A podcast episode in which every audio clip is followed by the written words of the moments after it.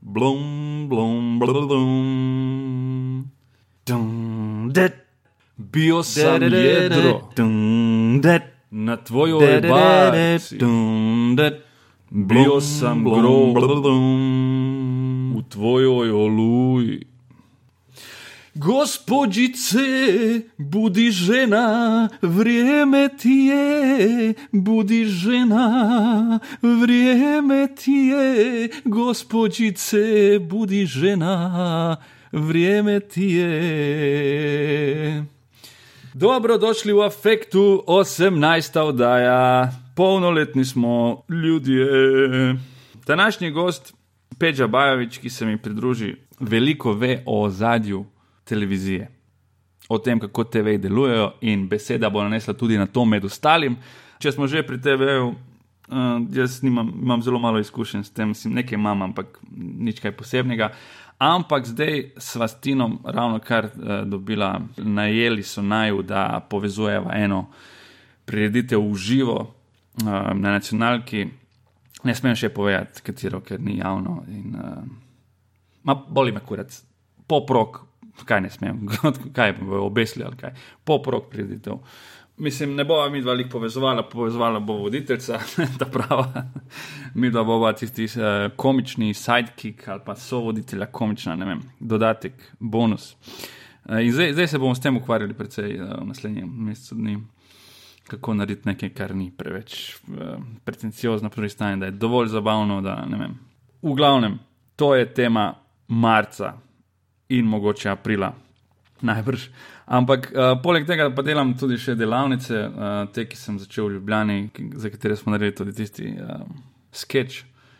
Uh, in so že čez polovico, zdaj imamo prvi interni nastop in uh, poskušam se malo uživati v vlogo teh delavničarjev, ki zdaj prvič imajo za nastopiti pred. Sicer to so njihovi povabljenci, domače bojo povabili, vsak bo povabil dva in to bo neki interni nastop, ampak vseeno je pa nastop, zato ker do zdaj so nastopali samo drug pred drugim, oziroma mi tam na, na srečanjih teh, zdaj bojo prvič nastopili pred nekimi zunanjimi ljudmi, potem pa je še zaključek v klubu Desetka na Miklošičevi.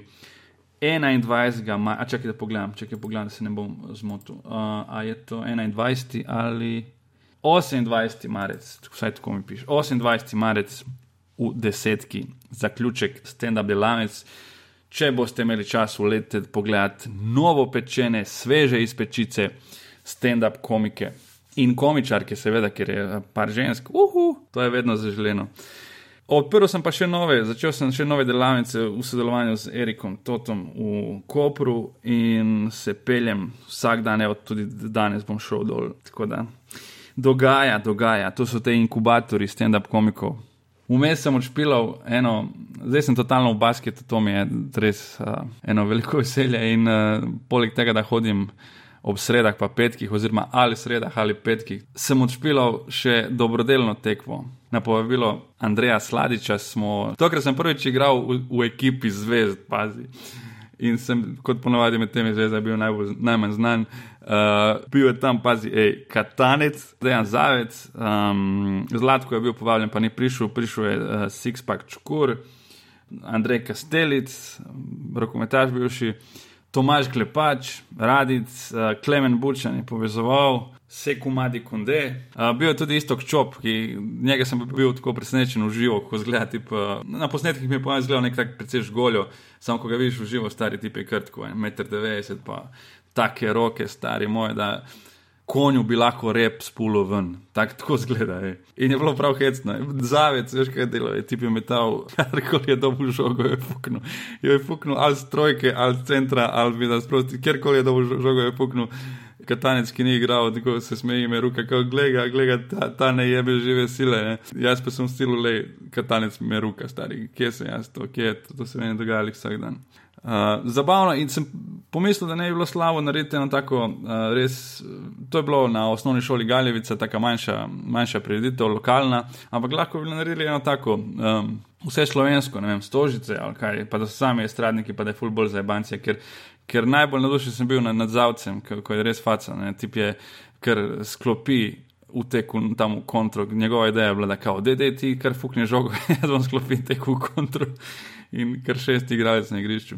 Pa Lahko bi take scene delali, pa bi bila ena lepa, dobrodelna, velika prireditev. Lahko bi jo tudi jaz organiziral, ampak ne da se mi jebati s tem. A razlog, zašto sad preskačem na srpsko-hrvatski, je to, da je navratio prijatelj iz Hrvatske, Peđa. Ćao, Peđa. Zdravo živo. Otkud ti ovdje? Pa evo, mislim, ja, ja se javio Perici, da se vidimo nakon skoro godinu dana. Perica, aj svratim na kafu. Aj kaže da snimimo podcast. Da, na kafu i podcast. Kako, kako slovenački. Razumiješ, ono, ja sam htio se družiti, a čovjek hoće nešto raditi. Da, da, zašto bi se samo družili bez veze? Ono, Pojeo vas je zapad totalno. 2017. nema to druženja bez veze, ono, ajmo nešto raditi. Aj. A, ne, ozbiljno, gdje, gdje na putu si ka Za- idem u, u, u Piran. U Piran, gdje imaš nastup, Na obalama Savudrijske vale. ne ideš na plažu, jel? Ne idem na plažu, idem, idem nastupit. Mislim, sad na plaži nema gužve, znaš, Tako tako da... kakva plaža, idem, idem nasmijat mrskog neprijatelja ovaj, u, u osam i onda u deset idem, u, u deset imam zakazano u Poreču, tako da je ovo double penetration night i, i jako volim takve stvari. Pa da, ono, taman, lju- ljudi dosta puta pitaju, čak nekad kad u- na istom mjestu, na istom stage imaš kao, bili imao još jednu predstavu, prenaporno, ono, kakvi prenaporno, to je taman, ono, Da, da, da. taman si pa, ono, uvijek je ona druga bolja, barem meni. Imaš takve iskustva? Ne, meni je to super, što, što više ovaj, drugi, pa što ti kažeš, ovaj, drži, drži energija, adrenalin, radna temperatura. Da, ali jesi crpljen kad završiš samo ono, da, Pa je, za odraditi drugi nije problem. Tako. Da, da. Kloneš na kraju, ali uopće nije, nije E, problem. ne znam kom je pričao to da negdje u Americi da je vidio da postoji jedan kao, ovaj, kao venue Dobro. gdje sad komičari, oni baš no name komičari nastupaju i sad je to neka kao fabrika smijeha na neki način. dobro.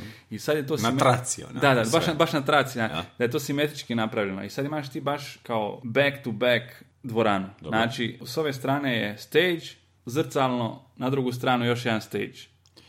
Aha, A između je backstage. interstage. Da, da. I, i sad, pa, pazi ovo, pazi ovo. S jedne strane jedna dvorana, s druge strane druga dvorana i sad komičar koji iz backstage izlazi na jedan stage, na drugoj strani drugi komičar. Da, I onda da, se da. samo zamijene. Pa to je... I u međuvremenu čovjek pojede sendvič, Ja, ja, ja, znaš ono, ja. i to- Ali ne, ali to je to meni, ja sjećam ono, mislim, i ti si to sigurno upratio na početku te naše karijere kad smo mi slušali priče o tome kako ovaj menadžeri tih prostora komičarima zamjeraju što su bili duži minut da. ili dva. A jedan od razloga je uzeo si minut ili dva od konobara koji će u tih minut ili dva pojačat svoj rad do sljedećeg komičara, do sljedećeg šova. Mislim, znaš, to, to, tamo se sve mjeri u, u minutu, nisu oni baš komitu. Da, ali kažem, ali kažem, taj život komičara koji nastupa tu, sad šiba na drugu stranu, Pa i onda... da, ali kad ono, malo bolje razmisliš, šta, mislim, to je stage je stage, kužiš, i, i pogotovo što vidiš, recimo, nije isti, nego je drugi. To što je sad u istoj prostoriji, ovo sad, ne bi se ja nešto previše bunio, sad bi u ovim Pa, ja godinama, ali u početku, vjeruj mi, ne bi se bunio za takve aranžmane, umjesto, ne znam, ono, vožnje s kraja a, na kraj ali grada. honorari su sigurno bezvezni. E pa, to je ono baš... honorari su sukladno tomu. A, a dolaziš iz Zagreba? Ili odakle? Da, u Zagrebu. Sad sam Zagrebu. u Zagrebu, bili smo u Sarajevu do prije nekih godinu dana, na godinu dana, cijela obitelj. Zato što je žena dobra posao. Pa da, ja sam se dobro udao u životu. Moja žena, ovaj, koja nema nikakvih karijernih ambicija u svom poslu, ali je jako dobra. ona, ona čeka da se ja obogatim, pa da prestane raditi. Međutim, Je li kad pomisliš načekat ćeš se? Ovo što ja pomislim, nego ona nikako da pomisli. ovaj, ne, ne, bili smo u Sarajevu, bilo, to je bilo super, sad smo nazad u Zagrebu. Mislim, tu mi je tehnička baza i ovako putujem puno. Ponekad mi se čini previše. Ponekad. Da. Da, ne. Pa to je, to je lakše dosta onako kad si mlađi. Ne, ne zbog, toliko zbog godina, nego jednostavno kad si svjež u tome, stvarno ti se da. I ja se sjećam baš, ono, ja sam više se čak veselio druženju sa komičarima nego samo nastupu jedno vrijeme kad pokupimo se četvorice u auto, ha ha ha, ono, ono, idemo i to. Ali kasnije, znaš, kad imaš ono obitelj i sve to, onda ti je baš to nekako ono, oj, kud, koliko, dva sata, oj jeben ti, kakva je cesta, oj, oj. Da, da, da. To je Dobro, ono- za pericu isto tako, a gdje je to? Jer ja mislim da tebi ode jedno 15% energije za svaku gažu na strah od nepronalaženja Ma lokacije. nije više, tak, nije više takav problem. Nije, nađem, nađem. Promašim malo pa se vratim. Pa je ono. dobro.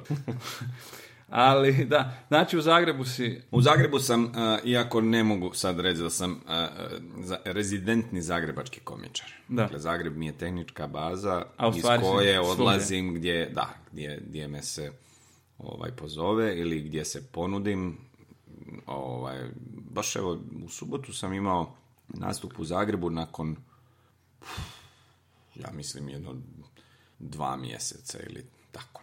Prvi nakon dva mjeseca. Mislim da mi je zadnji nastup u Zagrebu bio klubski negdje u, u 11. mjesecu, prije odlaska u, recimo, u Helsinki. Eto. znači samo tehnički. Samo tehnički, samo tehnički, jer šta znam, mislim, tamo ima dosta stand-upa, ima jedan klub, ima jedan prostor sa redovnim programima utorkom i srijedom, dosta ad hoc nastupa, dosta je komičara i sad da se ja tu trudim, ko što sam se nekad prije trudio da napravim još jedan klubski prostor, mislim da, da ne, nema, nema, nema razloga, jednostavno nema razloga. Ajde, vraćamo se na Zagreb i na to što Mhm. se dešava sad u Hrvatskoj na, na komedi sceni, ali ajmo za početak da ti nam malo ispričaš na brzinu o sebi. Svi te znamo kao ex-you u pravom smislu riječi U komičar, stvari, znači post you. post you. Ja više volim reći post you. Pa dobro, you, u stvari you. You. Da. hey you. Rodio si se u Crnoj Gori. Tako je. Tačnije, U Bijelom polju. To je, Bijelo polje. to je nešto, šta bi to moglo biti u Sloveniji? To je nešto na Koroškem tamo. Dakle, n- nigdje. to, jest usput, onako, ima, prolazi cesta prema Srbiji, ali eto, to je. Sanđak. Dobro.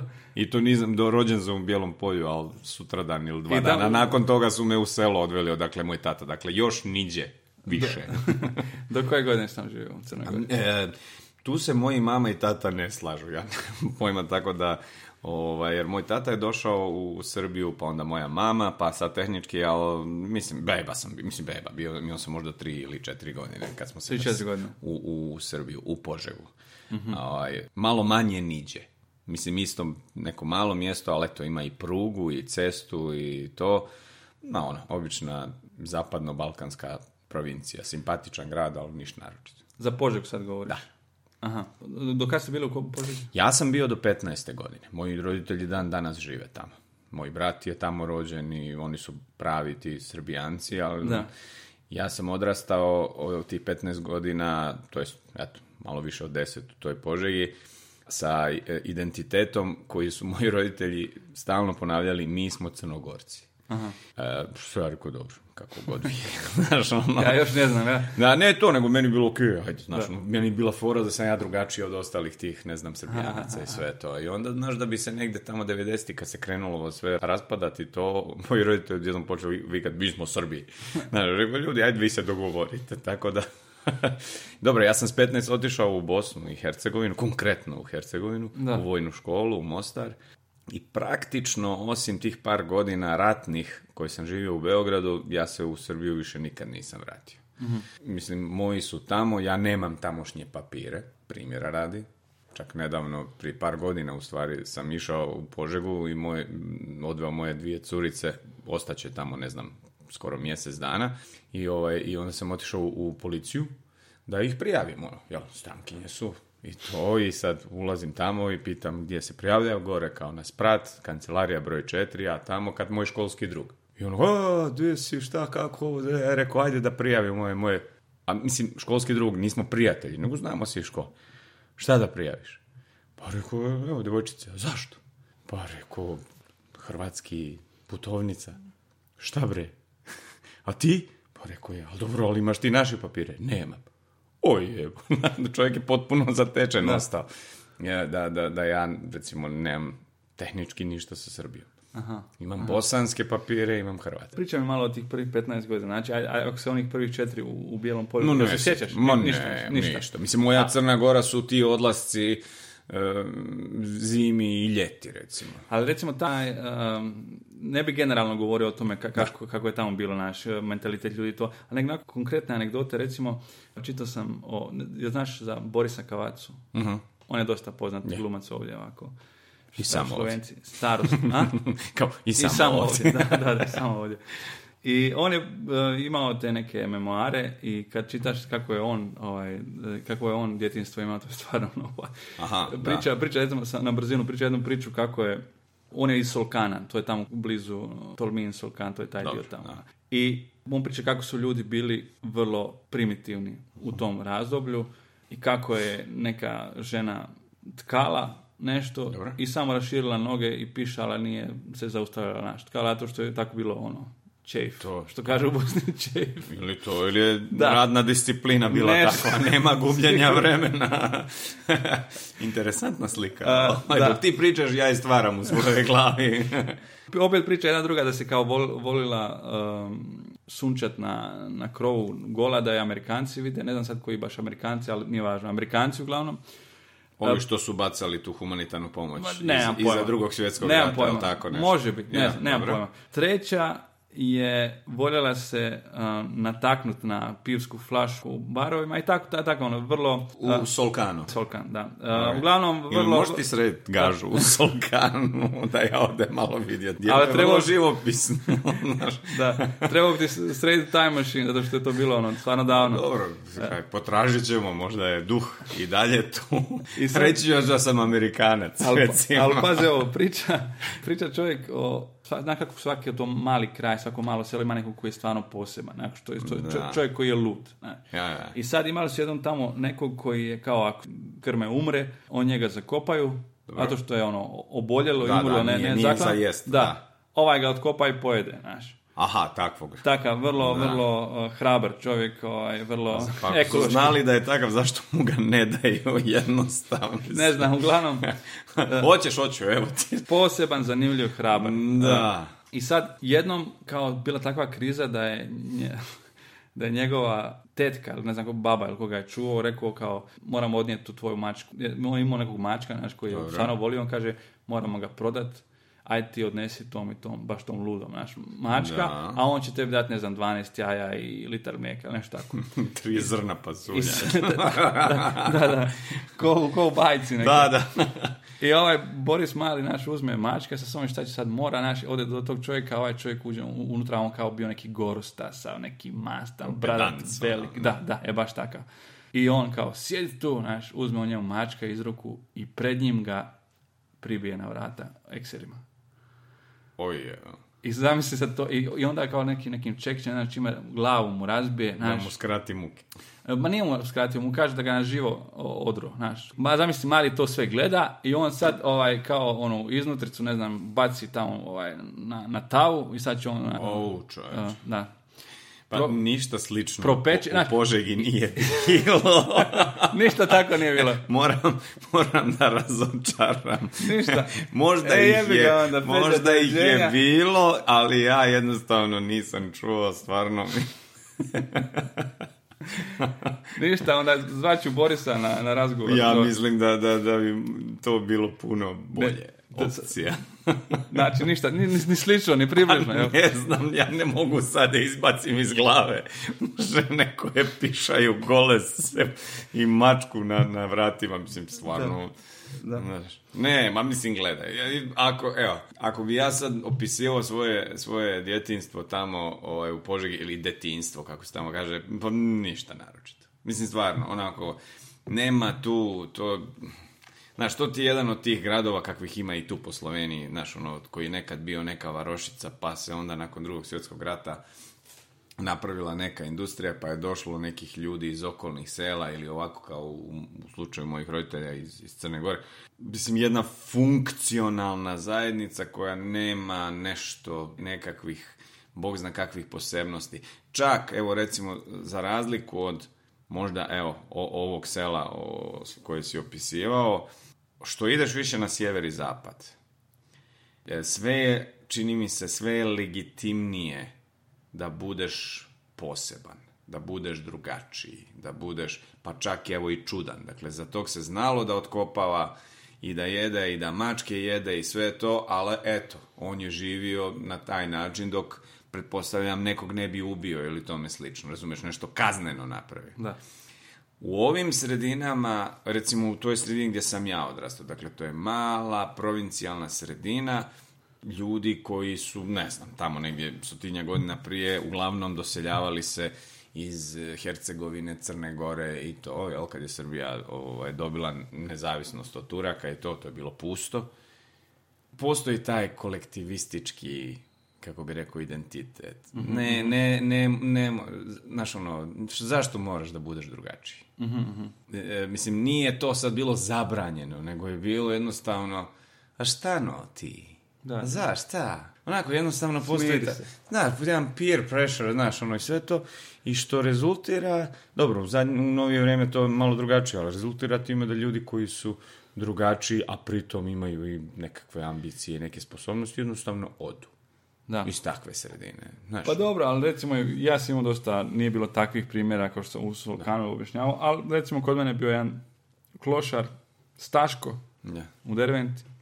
I Staško je bio ono, baš dervenska legenda i imao je baš neke, neke fore što su stvarno ono, živopisne, što je ono, jednom je rekao, o- obukao one visoke, one ribarske čizme i go, inače, a samo u tim čizmama usmjeravao promet. Znaš, na, na Bože. raskršću. Recimo, to je, Ništa ni takvih slično slika. da ja... E, stvarno si imao ono, Pa ne, baš dosadno onako, dosta, dosta onako, znaš, ono, dakle, mislim, ja mislim da mi se nije događalo ništa bitno drugo, dakle, padovi, lomljenja, izgubljen par puta bio u gradu kad je vašar i to, ali dakle, ništa, Da. ne, ne. Znači imali ste vašer? Pa naravno. E. Da objasnim šta je vašer, ne znaju svi, to znači kad dođe neke vrste Luna Park.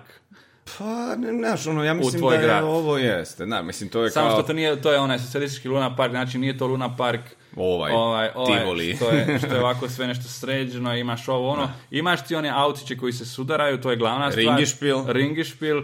Imaš, kako I se- 80-ih su, ja mislim, već balerinu? počele... Balerina? Ne, ne, balerine je već...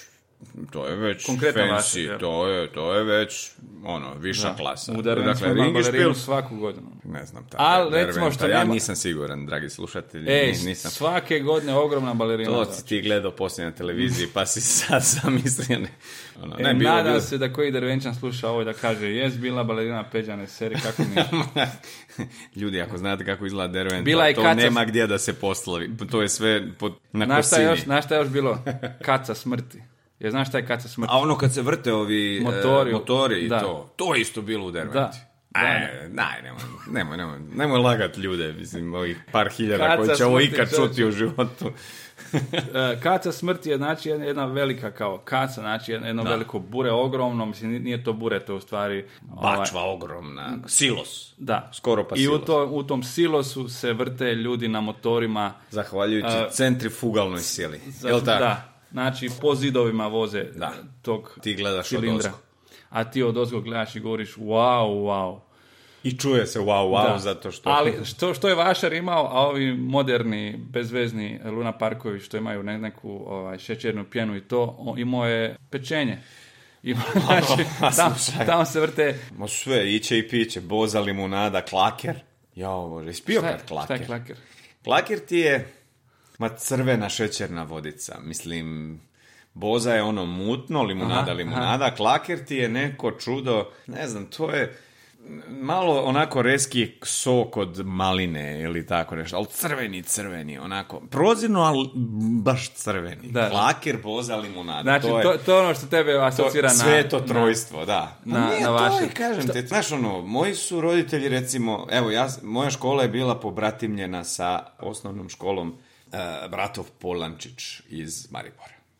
Ne znam, to ono, dosta Mhm. Da, da. slovenaca su bili izbjeglice u, u, u zapadnoj Srbiji za vrijeme drugog svjetskog rata, pa je sad to nešto bratstvo jedinstvo, što je rezultiralo time da svake godine odu učenici i nastavnici tim vozom Bratstvo jedinstvo iz Požege u Maribor, a sljedeće godine iz Maribora u Požegu. Ok?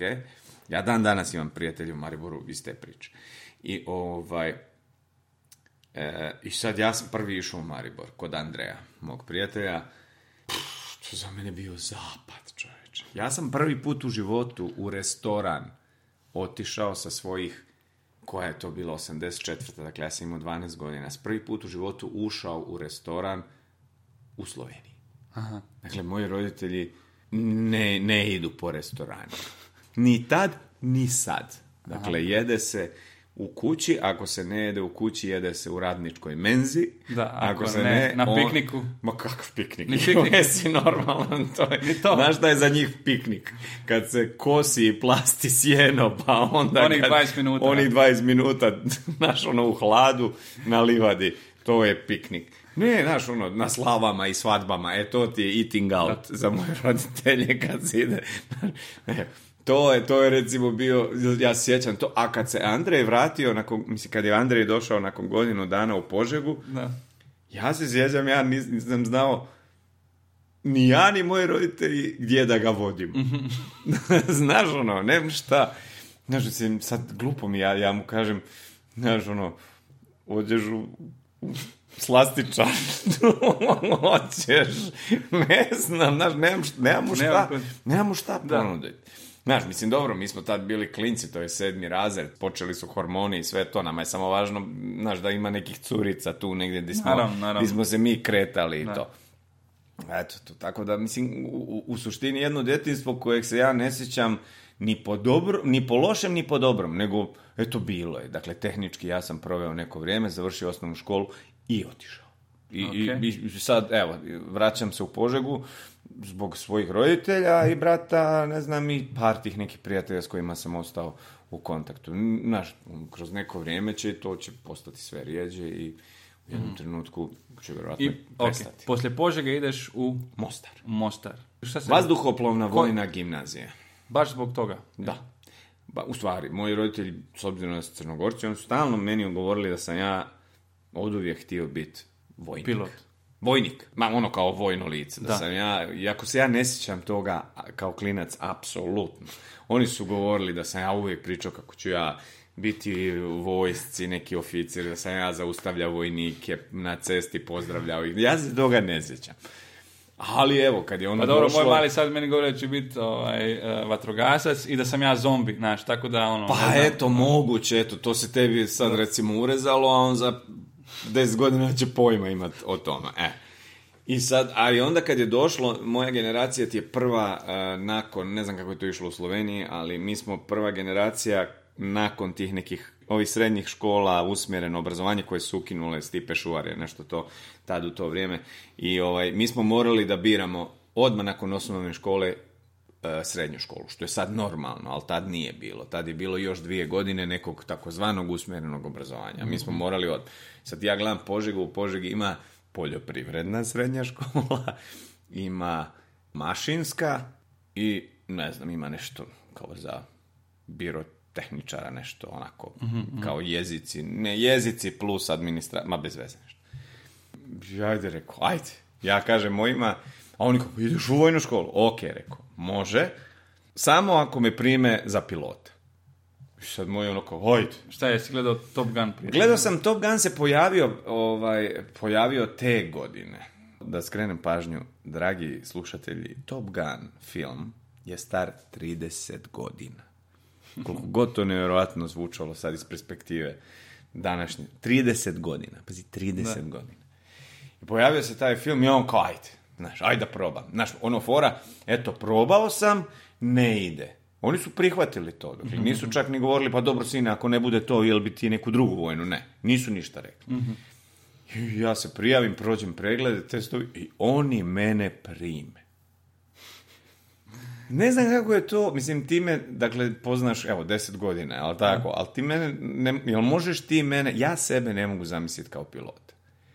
Jel možeš ti mene zamisliti kao pilot? Pa kao vojnog pilota, ovaj, možda baš ne zato što si stariji, to, a vojni piloti su dosta onako, kako bi rekao, sportski tipovi, razumiješ? Da. A, a kao pilot, znaš, jer pilot, ono, Adria Airways, da si pilot, to mogu zamisliti bilo koga. Bilo koga, da, da, da, Dok vojni, Vojnog, vojni vojnog, pilot, vojnog, to vojnog. obično su to mladi Ajde ljudi. sad zar ne? Tom Cruise, ali mislim, znaš, pa Ali dobro. obično su to mladi ljudi i onako u Dobro, formi moji, ljudi mojih godina su sad aktivni piloti ti koji su završili, ne, koji su nastavili to. Na.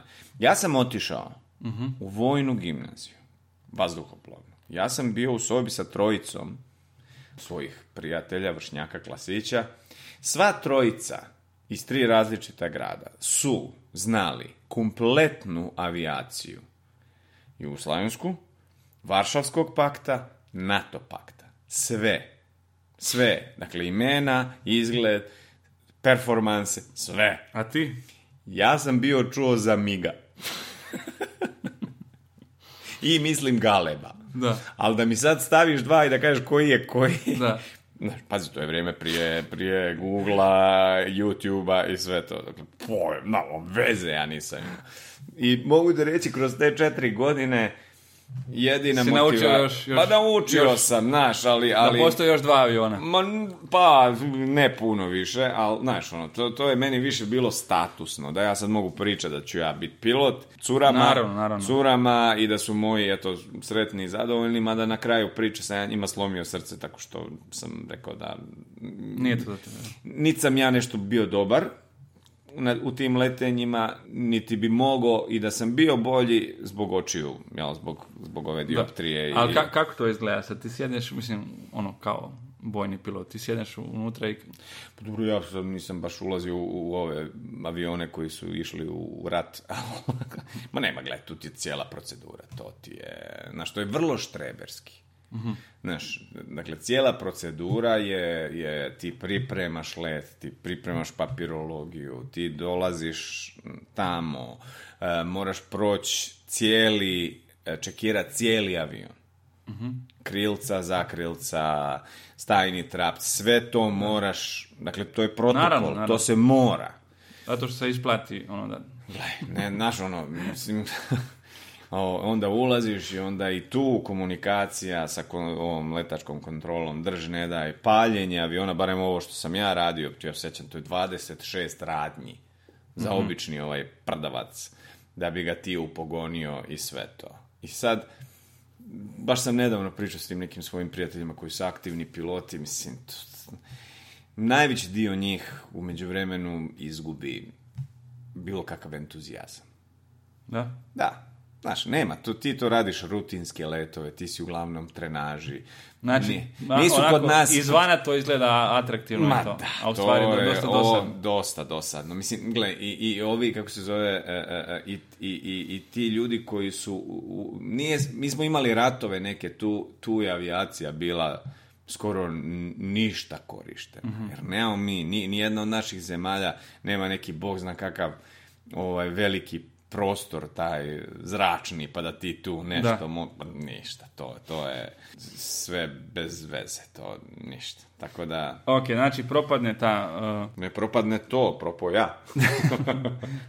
pokušaj pilota i šta onda? Ništa, mislim, samo sam se onako kratko zadržao u Vojnoj akademiji kao, eto, da vidim je li ima tu nešto, onda se za govna počne rat, ja kažem hvala, doviđenja, izvučem se tu iz, iz uniforme koliko god sam mogao, mene u stvari u Vojnoj, Vojnoj akademiji me uhvatio i rat u Sarajevu, malo sam bio tu, tek toliko da, evo, da mogu poslije da kažem gdje si bio u ratu, ja sam bio u ratu, gdje si bio u Sarajevu.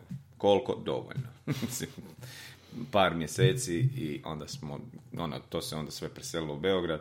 Kako smo došli u Beograd, ja sam se zahvalio i otišao u, u civilne vode. Probao dva puta da upišem glumu, Da, Da. u Beogradu. da. I ovaj, već sam ja u Sarajevu dok sam bio u toj vojnoj akademiji razmišljao o tome da napustim vojsku i da upišem glumu, međutim baš evo zbog rata i to, to se nije dogodilo. Onda sam dok sam bio to kratko u Beogradu pokušavao i tu. Koliko tamo primaju, recimo, jedna klasa? Oj, Koliko je? ne. Jer u Sloveniji je vrlo malen broj. da- Pa nije nešto veliko. To je možda 15 ljudi, ako. Pa i u Sloveniji slično. Mm, ako, ne sjećam se sad, pazi, to je isto nešto što je bilo 92. treće. Da. Nemam. Nisam. U Drugi put, ne, prvi put sam čak i ušao u uži izbor, odnosno u sljedeći krug, a druge godine ni to. Tako da, ovaj, ništa, onda sam nekako čudnim nekim okolnostima postao novinar, pa zbog tog nekog talenta za jezike sam kroz taj novinarski rad imao dosta angažmana na, na francuskom i na engleskom kao prevodilac tim stranim novinarima koji bi došli, ne znam, u Beograd, pa bi onda mi otišli u Bosnu. I ja sam bio ovaj, prevodilac, ali sam i to koristio za svoje neke te novinarske, pa sam pisao te neke reportaže. Nešto kratko sam radio i kao sportski novinar. Bože, baš, baš sam prostitutka, jebote, znaš, ono. Ne, ozbiljno, sport i ja, čovjek.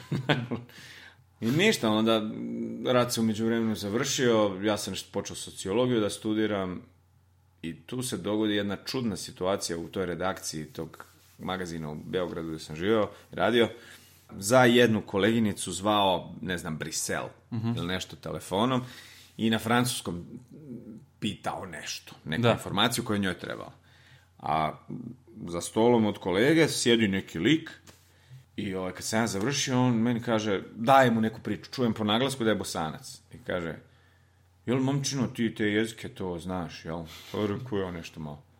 Kaže, ja sam iz Banja Luke, tamo se to sad traži. Pare su ogromne. Traže se kao prevodioci. Say no more. I ja rekao, ajde.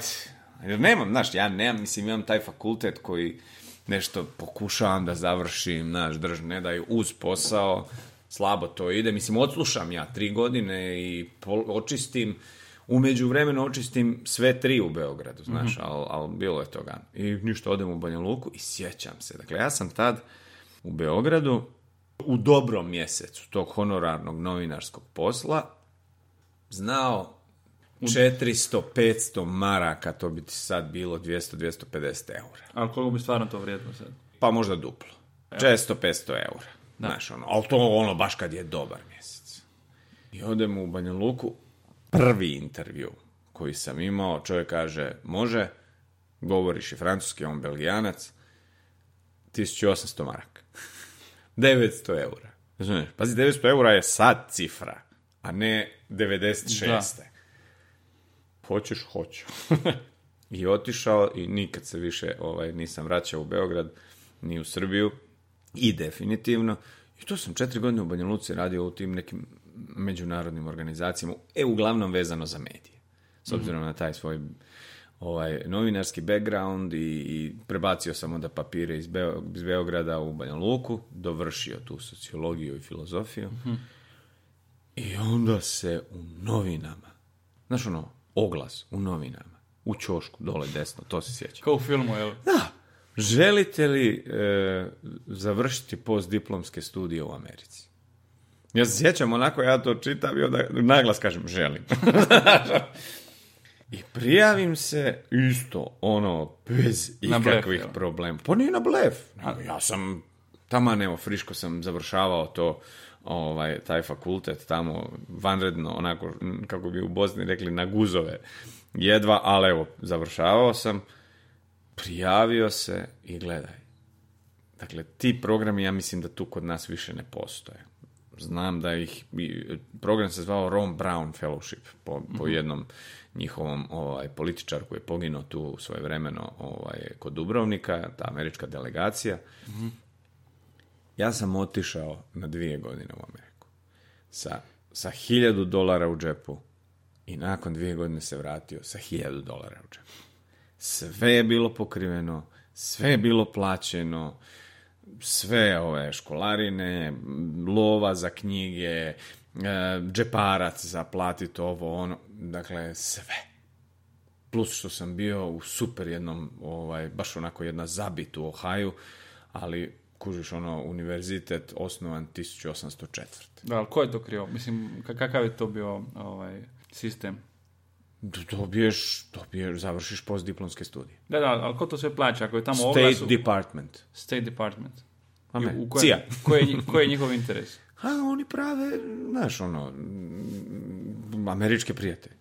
Aha. Dakle, ljude koje dovedu, poklone im to nešto. Ljudi i oni su kao prijatelji Amerike. Pa je. Mislim, gledaj, u mom slučaju, dobro, nije da sam ja nikad znam, bio inače- neprijatelj, ovaj, Ne, Iznenađuje me zato što inače kad, kad slušaš ovako iz nekih a, američkih usta ispadne kao da oni stvarno da je studij u Americi nešto što roditelji moraju stvarno crnčit da bi omogućili Pa, djeci e, i, i. Prije što se rodili ovo što moraju Pa početi i- šted, je. a sada dadnu onako nekom, evo ti izvoli. Pa glej, e, ali tamo ti je, stipendije su ti tamo puno veća i češća stvar nego tu. Dakle, to su babe i žabe. Znaš, e, i stipendije dolaze iz nekih drugih izvora. Privatnih fondacija, vladinih e, resursa i tome slično. Znaš, mislim, to je jedna od tih stvari. Drugo, Znaš, četiri godine ili pet godina faksa su puno skuplji nego godine, ali dvije postdiplomskih studija. E, Država nije, pretpostavljam, plaćala tim fakultetima moju školarinu, nego su- je to dogovor. Eto. Svi smo mi odlazili na javne fakultete, niko od nas nije išao na privatne. Privatne. Ja. Razumijem. A i kako je sad ta integracija, asimilacija tamo, kako je to izgledalo? Ti stigneš tamo u Dvije godine vadio ga nisam. Meni je super bilo. Slušaj, pa pazi ga, mladi mužjak sa dovoljno novaca, kurčevit po, po prirodi, nije to meni bilo, jer kažem ti, radio sam za te međunarodne organizacije, uključujući Amerikance. Znaš, tako da meni to nije bio neki kulturološki šok. Kulturološki šok u tim stvarima dolazi u onim sitnim detaljima. Na primjer, Na primjer, ja sam bio došao iz Bosne, gdje je normalno pozvat nekog, ajmo na pivo usred bijela dana. To je tamo, znaš, ono, pivo. da. Prvo pozvat nekog ad hoc, ajmo sad. Znaš, ono, sad idemo sad na kafu ili il, ajmo večeras na kafu. Ne, to ni tad nije postojalo. Mislim, dakle, to se planira. Da, da, da. Pogotovo sad u ovo vrijeme nekih ovih elektroničkih naprava i to, znaš, to ne pomaže, nego ne pomaže da se brže dogovorite, nego da se bolje planira. A planiranje je ono, "Oh, how about this week, znaš, ono, i tome slično, recimo ti neki detalji. Pa recimo, za taj dio Amerike, koji je ogroman, širok, taj takozvani personal space, gdje, gdje ti vidiš da dobar dio tih ljudi ne voli kad mu ti stojiš blizu. Nešto što je kod nas, taj personal space je vjerovatno, Da. ne vjerovatno, nego je puno Konobar manje. te rukne po leđima. Jasno, ne, to tamo, da, da, ne, to kod njih je onako ti vidiš, ako ti njemu priđeš onako da mu nešto objasniš, da mu nešto objasniš, ti njemu zvučiš ovako. Znaš, ono, oni malo Da, da, da. se uznemire. Ma, ovaj, naš način na koji oni jedu. Stvarno, mislim, oni, e, ti neki obrazovaniji, odnosno širih nekih pogleda, znaju da ne trebaju se, ovaj, kako bi ti rekao, natrpavat fast foodovima i raznim gaziranim pićima i sve ono što ovdje kod nas svi znaju, a nekog nije briga. Znaš, tamo kod njih puno ljudi to ne zna. Ili zato što ne želi znati, ili jednostavno nema opciju da to sazna. Vrlo, vrlo onako Znači, interesantno. oni koji znaju, uvažavaju to. Pa uvažavaju ne znaju, ne znaju. manje ili više, znaš sad, mislim, tamo je hrana puno jeftinija nego tu. A jeftinija je zato što je objektivno lošija, jer to je stvarno masovna proizvodnja svega i svačega. Tu sam recimo skužio, jedna je stvar kad ti gledaš nešto na televiziji, a druga je stvar kad ti vidiš to 3D. Ti vidiš da, da je njihova debljina drugačija nego naša. Da su oni drugačije debeli. Ima, toga je više, ali dru- drugačije. Oni fakat izgledaju napuhnuto. Oni izgledaju kao da je neko onako nabio pumpu onako u, u dupe i napumpo. Tako, znaš, Razumijem, da. Tako je da. to sugar fat, kao? ha ne znam, jel sugar, jel, jel, znaš, taj processed fat, št- ne znam. Ovaj, meni je drago da se ja nisam vratio s više kila. Evo. I onda dolaziš nazad i jesi- jesi odmah otvorio taj AETAS firmu ili... Nisam, nisam. Dobio sam, od, odande sam, kad sam se spremao, u stvari ja sam praksu radio na VH1 u New Yorku i na MTV-u. Ja sam imao tu neku, neku ideju ovaj, da napravimo neki MTV Balkan. Znaš, i sve to, ja sam to pokušavao. Nisam us- uspjevao doći do, do ljudi i onda taman negdje, kad sam mislio da sam došao do nekih ljudi, oni su mi rekli, a mi to već radimo. Aha. Kao pripremamo. Pa s kim? Znači, sa Adria, Slovencima. jel? Da, s Slovencima, ja kao da, naravno Slovenci, kako će drugi.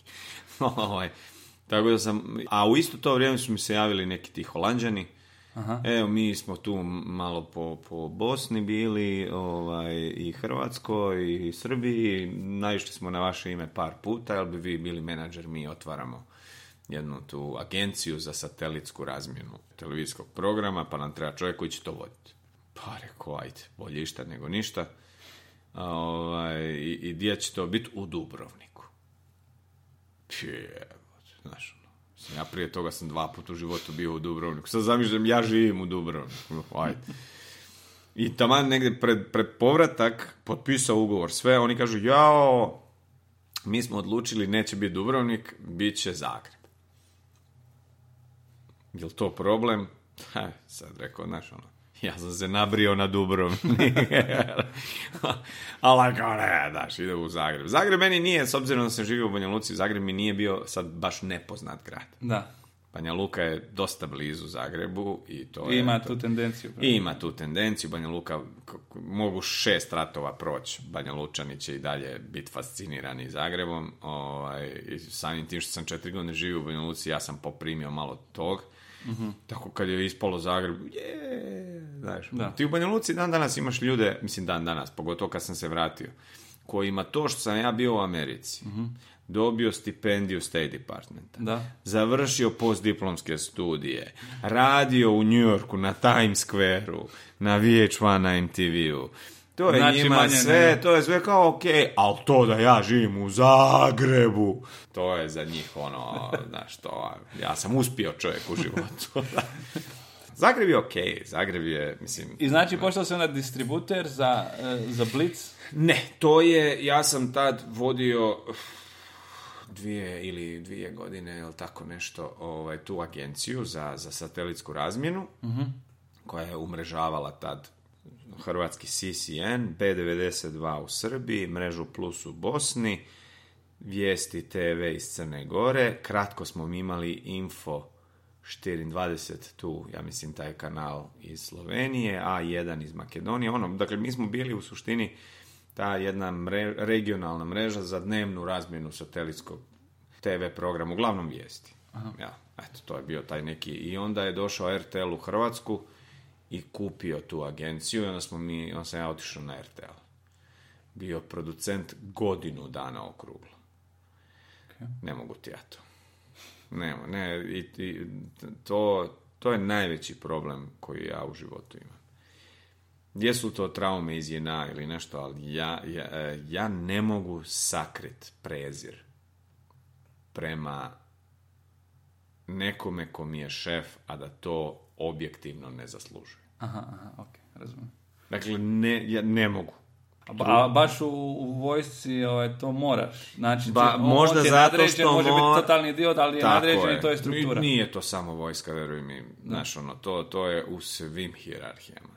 Privatnim, javnim, možda u privatnim i ponajmanje, jer u privatnom se malo više sigurno obraća pažnja na kompetenciju, jel, na, Mhm. na sposobnost. Što opet ne mora značiti da, da ako si sposoban da i nisi šupak, ali Da. ovaj, Znači imao si nadređeno koji ti je ono... da, više njih i to je, ono, baš, znaš, ono, i na kraju mi samo su mi rekli, mi ne namjeravamo produžiti ugovor, sam rekao, super. Baš ono, uf, Ajde ispričaj onu anegdotu kad si, tad si već bio distributer za, za te... Um, kako si postao distributer? pa ništa, otvorio firmu, imao mrežu medijskih kontakata u cijeloj bivšoj jugi i to. I za Sloveniju isto. Pa i za Sloveniju, da, mada Slovenija je tanko, tanko, Slovenija je ipak drugačije televizijsko tržište. De, ispričaj onu anegdotu kad si imao šansu, kad ti je neko ponudio turske... O, jesi morao to spomenuti. Ajde ispričaj tako da je punchline na pravom mjestu, molim te. Ja, uf, to je bolno, to je... Mislim, za tebe je bolno, za mene je zabavno. Ma da, Prag, neka je godina, sad ne mogu, ali ima, ima tome deset godina, ja mislim, možda malo manje. Odlazim u Prag na, na market televizijskog tržišta. Market za, za kupoprodaju televizijskog programa i na moje ogromno iznenađenje ja skužim, očekivao se ja ću tu biti i Rusa i Poljaka i Čeha, naravno Amerikanaca, Britanaca, Švaba, sve je to meni jasno, ali sam u jednom trenutku skužio da recimo četvrtinu prodajnog prostora imaju Turci. Da. I sad ja ono kao, haj dobro, haj Turska, ono, to je, Turska u to vrijeme, mislim, krenula onako nešto ekonomski se razvijat, pa sam razmišljao kao, pa da, to, to neko njihovo preseravanje. I sad dođem tamo i on kao, oh, my brother, my brother, please, my, gdje odakle si ti, ja kažem Hrvatska, o, Hrvat, Hrvat, Hrvatistan, da, ili kako već to zovu, pa kažu u stvari Bosanca, o, Bosna, Hercega, oh, my brother, znaš. I krenuli sad meni da pokazuju te neke svoje serije koje, koje ja vidim da one nisu uopšte nisu loše. Da su dobro urađene. Dobro urađeno, mislim, bez veze. Znaš, ja vidim da tu sad iz tih opisa kratkih to je sad ovaj, on nju voli, njegova Da, da, da. familija, ona, znaš, dakle, vidim da sapunica. Da, da, istovremeno sam svoj sin. Jel? To, kad, Fer, kad Ferhat u stotoj epizodi shvati da je sam sebi otac i tome slično. I ajde, znaš, a jel bi ti to kupio? A znaš kako ono, kogod je išao tamo na, na tu stranu, zna kako oni prodaju, ajde, come on, come on, ajde, kao, you buy, daj, ništa, ajde, sad, ono, ajmo se cijenka. A baš na taj način. Jel? Pa da, baš tako idu, ono, baš ono, dosta, dosta agresivno, ali, ali i sad ja, ono, mislim, ne Evo, priznaću svima, evo, sad ću ostati na internetu. Imao si predrasude. Tako je. Dakle, ja sam jedna glupa konjina koja u tom trenutku, a nakon tog trenutka nikad mislio da zna sve o televiziji, ja sam to tad glatko odbio. Glatko sam odbio tri serije, čak su mi oni rekli, evo, kao oni su prvi put došli u Europu da nude te serije i prvi put tad u Pragu koji nije veliko, veliki market. Puno veći su Budimpešta, Kan, e, Moskva, Varšava. Znaš, Prag je jedan mali market, ali evo kao da oni su došli tu da oni probaju. Ja znam da su oni meni nudili tri serije koje su u međuvremenu postale balkanski hitovi. Mega- mega hit. Mega hitovi, koje sam ja onako, ma daj, ma ajde, evo, treba nam neko samo, evo, za ovih prvih, pa ja pitam koliko vi toga imate, Uf, imamo mi toga 20. Kako su oni rekli, mi toga imamo 20, ja sam samo zatvorio vrata. Ono, tipa, ma daj, to neka masovna produkcija nekih govana eh, televizijskih i sve to, da sam ja otkupio prava. Za jednu od tih, za jednu. Za jedno. Samo za, za Šeherezadu, recimo, Recimo. koja je bila ta. Za ova tržišta Koliko od bi zaradio, Slovenije. otprilike za jednu seriju? Koliko bi zaradio ti? A sad odokativno, ali bruto, dakle, platim, prodam, drž, ne daj, ja sam siguran regionalno da bi ja po jednoj emisiji imao neki 5000 eura. Puta turska serija. Eto. Dobro. You do the math. Yeah, you do the math. A mi sad snimamo podcast kod Perice u stanu. Eto. Zato ljudi nemojte imati predrasude. Nikakve predrasude. Jer možete završiti kod mene u stanu. Tako je. Nikakav istok, zapad, mi, vi, oni. Strašno. Da. Morao si to I da onda, spomene. ma ne, baš, baš mi je ono, ho- hoću da kažem kako je ono, kako nekad, pojavi se neki prozori u životu, znaš, jednostavno prozor, na, na taj ti prozor moraš biti spreman. Pa gle, ali u stvari, u isto to vrijeme ja sam dosta fine novce zaradio ovaj, od distribucije konkretno hrvatskih serija u ostatak regije. Tu sam bio pionir u Hrvatskoj, kad Hrvatima nije padalo na pamet da bi neko možda u Srbiji, Bosni, Makedoniji, ovaj, e, e, Crnoj Gori kupovao hrvatske serije. Znaš, ono, kao, oni su to radili za, za, za hrvatsko tržište, za ovu ili onu televiziju i sve ostalo preko toga za njih je čisti bonus. On se pojavi nekakav peđa i kaže, gle, ja mislim da bi se ovo gledalo u Makedoniji. Aj, o, evo ti pa vrati se, šta zaradiš dobro je. E, jedini moj problem u tom trenutku je bio što se hrvatske, konkretno HRT, ali onda i ove druge televizije, na ovaj ili onaj način gledaju u ostatku regije. Hrvatska ne gleda ništa. Ni od koga. Dan danas. U Hrvatskoj se ne gledaju ni srpski kanali, ni bosanski kanali, ni slovenački kanali, ništa. Ozbiljno? Da, Ništa? Ne, ono, ni- ne. To je, ono, više, Zatvoreno, pa zatvoreno. Jednostavno, oni nemaju tu naviku. A opet, s druge strane, potpuno drugačije.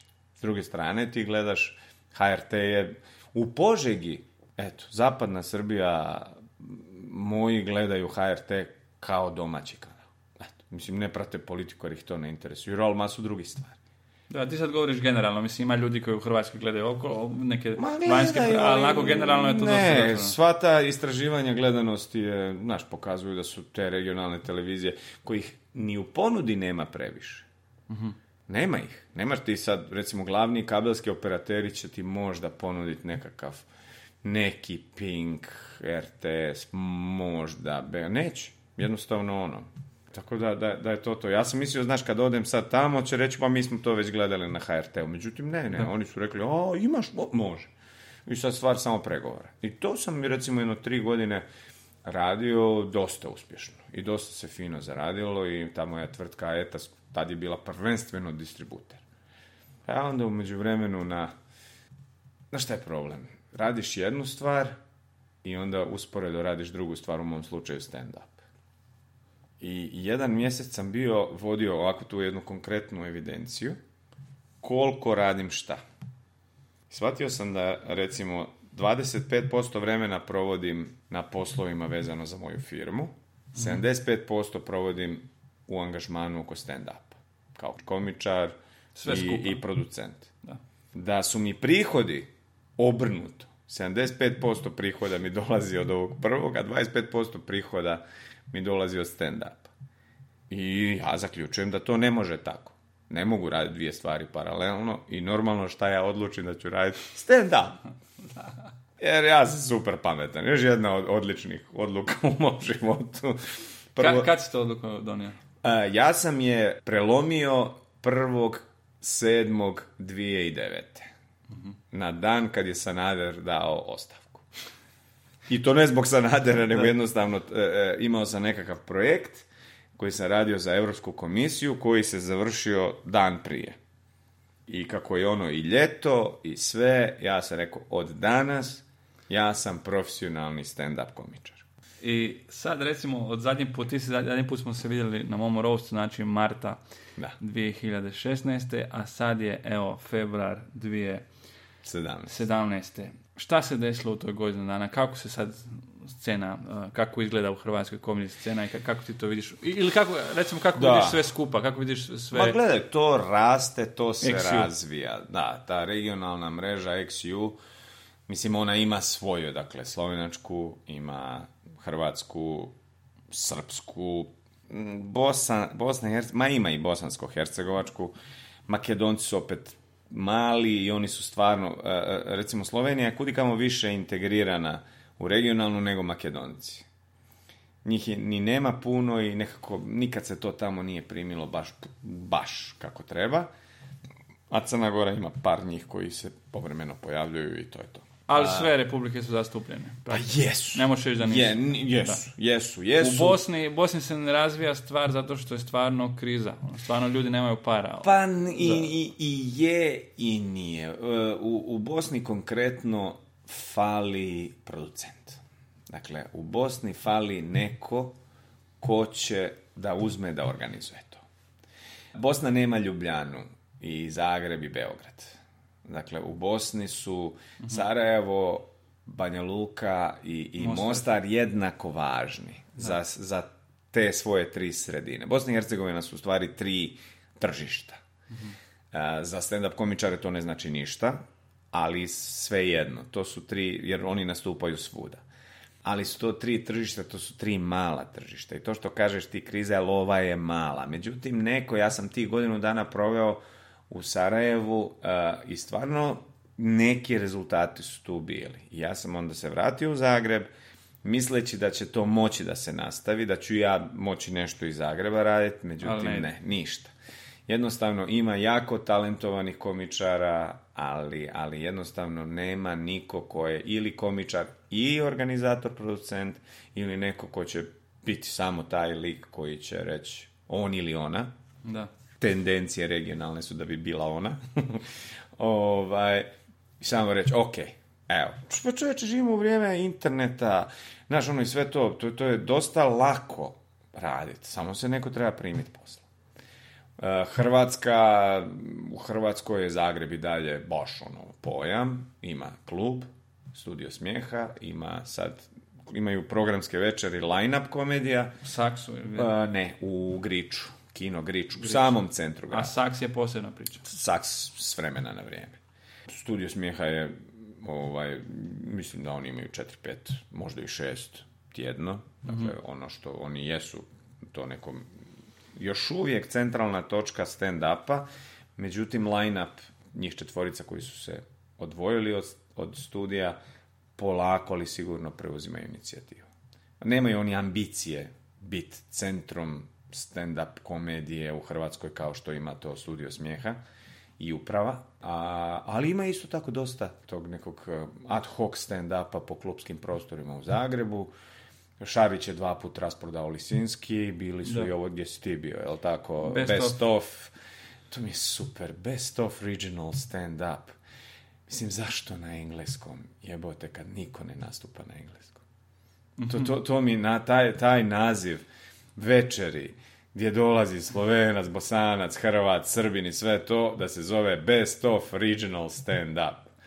Mislim, Ono, ljudi su došli, tako da... pa jesu, Da. jesu. I to, i to, to apsolutno, tu skinut kapu, A- napunio ali se Lisinski, pazi to, ali... ali čime je napunila Marina Lisinski samo jednim događajem na Facebooku praktički. Je. Ali, ali istina je to što, što i Domagoj kaže i ovaj i svi dole što nekako priznaju da je to da se Lisinski napunio taj put nekako rezultat svih ovih godina rasta, rasta. Je, je, je, je, ne, mislim, scena, scena. to- znači to- sva ta ulaganja i ono što si radio u Movie Pubu i ovo što Da, je da, Marina da, radila da. u prošlom Ne, tu- i, ovaj, i svi komičari hrvatski, znači sve to je nekako imalo taj neki vrhunac Pa to je taj svojevrsni crescendo, ali mislim u stvari ne treba to sad reći da je to crescendo, mislim odatle treba ići dalje, ali to je jest svojevrsno priznanje. Mislim, ono, to nije tajna za sve koji prate stand-up, da Marina i ja nismo ni u kakvim odnosima, ovaj, sve to, ali kad, su, kad je taj događaj u pitanju, ja tu samo moram reći svaka čast, to je to. To je ovaj, Tebe veliki uspjeh. Pa ne, ne, to, to mi je, mislim, to, to je jedan od primjera tog tipa, kad stvarno ono nema potrebe, mislim, gurat engleski tamo gdje mu mjesto nije. I ovako nismo uspjeli naći nekakvu naše ime za stand-up. Nisam ja za tu čistotu Pa do- jezika i tome slično. Da, da, znaš u čemu je fora? Da. Mi, mi imamo stand-up, znači to je već američka riječ. Da. Upotrebljavamo izraz best of, znači kad imamo neki... I sad, da ti nastaviš best of, regionalni stand-up, stvarno nema smisla. nije, ono nekako drugačije, ja bi to malo, dobro, to je stvar copywriting, ja bi to možda nekako drugačije, ali što kažeš ti, napunilo se svaka čast. Mislim, i to, znaš, ono, događaju se dobre stvari, paralelno, ne znam, i Đuro, koliko god sa tim svojim, ovaj, ovo nije stand-up night i Da. anti-stand-up show i sve ostalo što je on nalopatao tamo, ovaj, Samo da bi se pa nije da se, nije on čak, ja kad sam pričao s njim, on čak nije rekao da se diste nego, ma ne ba, ja sam, ja sam glumac koji glumi stand-up, vi ste stand-up komičar, ja sam samo htio reći da ja, da ja nisam stand-up, rekao je, šta si rekao, to kako se razumilo, ali i to, to njegovo silno ovaj, putovanje po regiji nastupi ipak promovišu stand-up.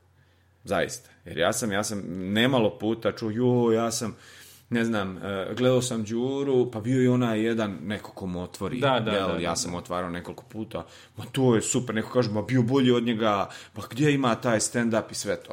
Dakle, eh, taj format jednog čovjeka koji nasmijava ljude, ne znam, sat i po dva, je postao potpuno legitiman.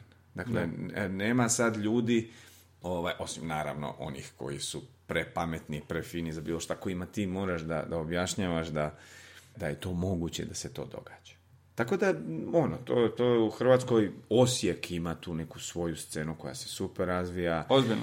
Šta se događa u Osijeku? tu recimo? dosta je open mic večeri, tu su sve mladi ovako, znaš, oni od 20 i sitni kusur, neki Da. od njih studiraju u Zagrebu, pa je to, ovaj, pa odlaze u Osijek, ima neki koji žive samo u Osijeku, mislim, svi su oni na vrlo sličnom tom insult komediji tragu, dakle, to mora da bude šok, to mora bude crno, to mora, znaš, ono i sve to, ali je dobro, ali se događa za grad veličine Osijeka. Mislim, interesantno je da uh, Split nije uspio stvoriti svoju scenu, iako se pokušavalo.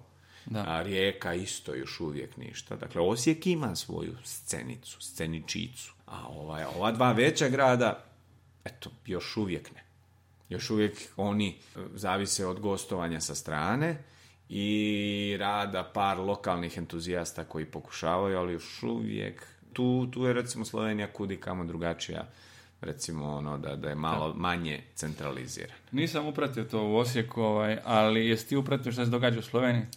Pa ja sam Inače, vidio- mi nas dvojice razmijenimo ovako neke informacije. Da, ovako neke informacije. o tome Da, da, ne, meni je, e, recimo, mene, kako bih rekao, baš onako ugodno iznadio ovo, obilježavanje deset godina. Da. To, to je, mislim, normalno Slovenci, znaš, ono, kako Slovenci to naprave, naprave TV serijal, ga, znaš, ono, E, ali to se- one man show, Nije se to baš rodilo onako planski, nego jednostavno u jednom trenutku je teški rekao, poslao mail, najvjerojatnije ne samo meni, Da. ja sam bio u BCC, šta ja znam, uglavnom kao deset godina je trebalo bi to obilježiti na neki način. Ja sam razmišljao ono, ja svojih deset godina, svojih, što je bilo tri godine prije toga, Da. Nisam obilježio i baš bilo ono, zašto nisam budalo, kad sve se svodi na taj neki marketing i to, i deset je takav broj koji moraš iskoristiti na neki način. je, ja jesam, Ali- i to baš, ono, dobro. jes, da, ali ja nisam nimao. Ja sam napisao ono, jedan status na Facebook kao, evo, danas je 10 godina, I 12 lajkova i to prođe.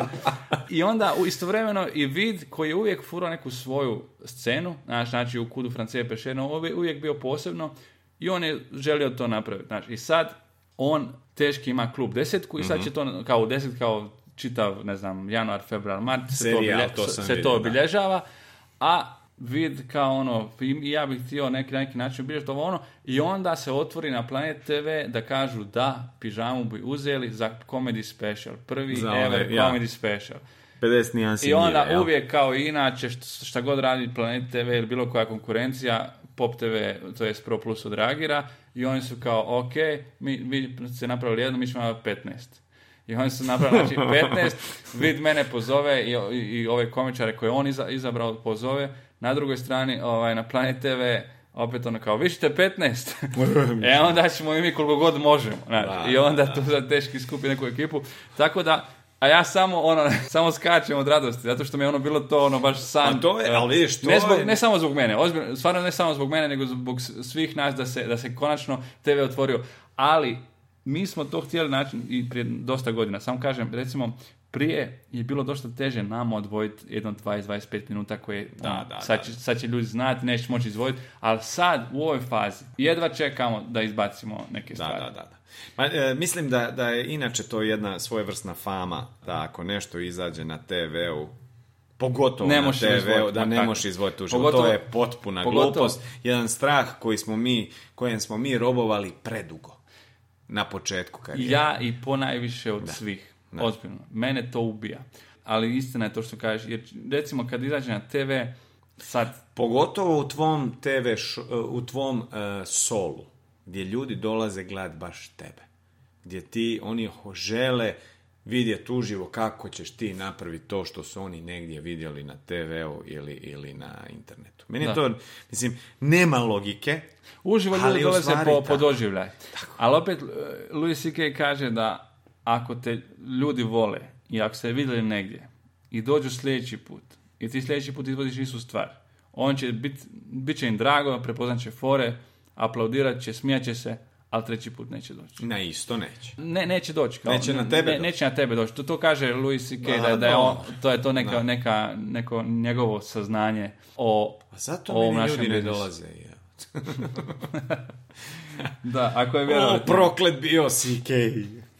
Što se rekao ljudima to. No, ne, ali gledaj, Slovenija, vi, vi, ja nekako tu uvijek, uvijek nekako sam malo i zavidan način na koji vi to radite. To je ipak sve, mislim, nije to jedan mastermind koji to sad vodi, Da, da. jel, ko što bi kod nas, ne znam, Marina volila biti. Ali se sve radi puno pametnije. Sve se radi racionalnije. e, e, Sve je to nekako dobro. Objektivno vi imate više novaca po glavi stanovnika, po glavi komičara I to je nego, faktor, nego mi. I to je faktor. Ali, ne znam, ja bih volio da, da malo više mogu provoditi vremena tu, izučavati, proučavati to, ali eto, nisam. Glup sam. Zato što ja sve znam. E, ne, svaka čast. Evo, sretno, sretan vam rođendan. To hoću reći. Svečno deset let. Hvala Peđa, hvala da si uletio. Morat ćemo polako zaključiti. Imaš koju zaključnu riječ, eh, pozdrav za tvoju slovensku publiku. Jer imaš svoj neki fanbase u Sloveniji? Pa, ne znam, imam, nemam, mislim, znam da, da eto, ko prati stand-up, m, vjerovatno i zna za neko moje ime. Ja nikad Sloveniju u stvari nisam odradio kako treba.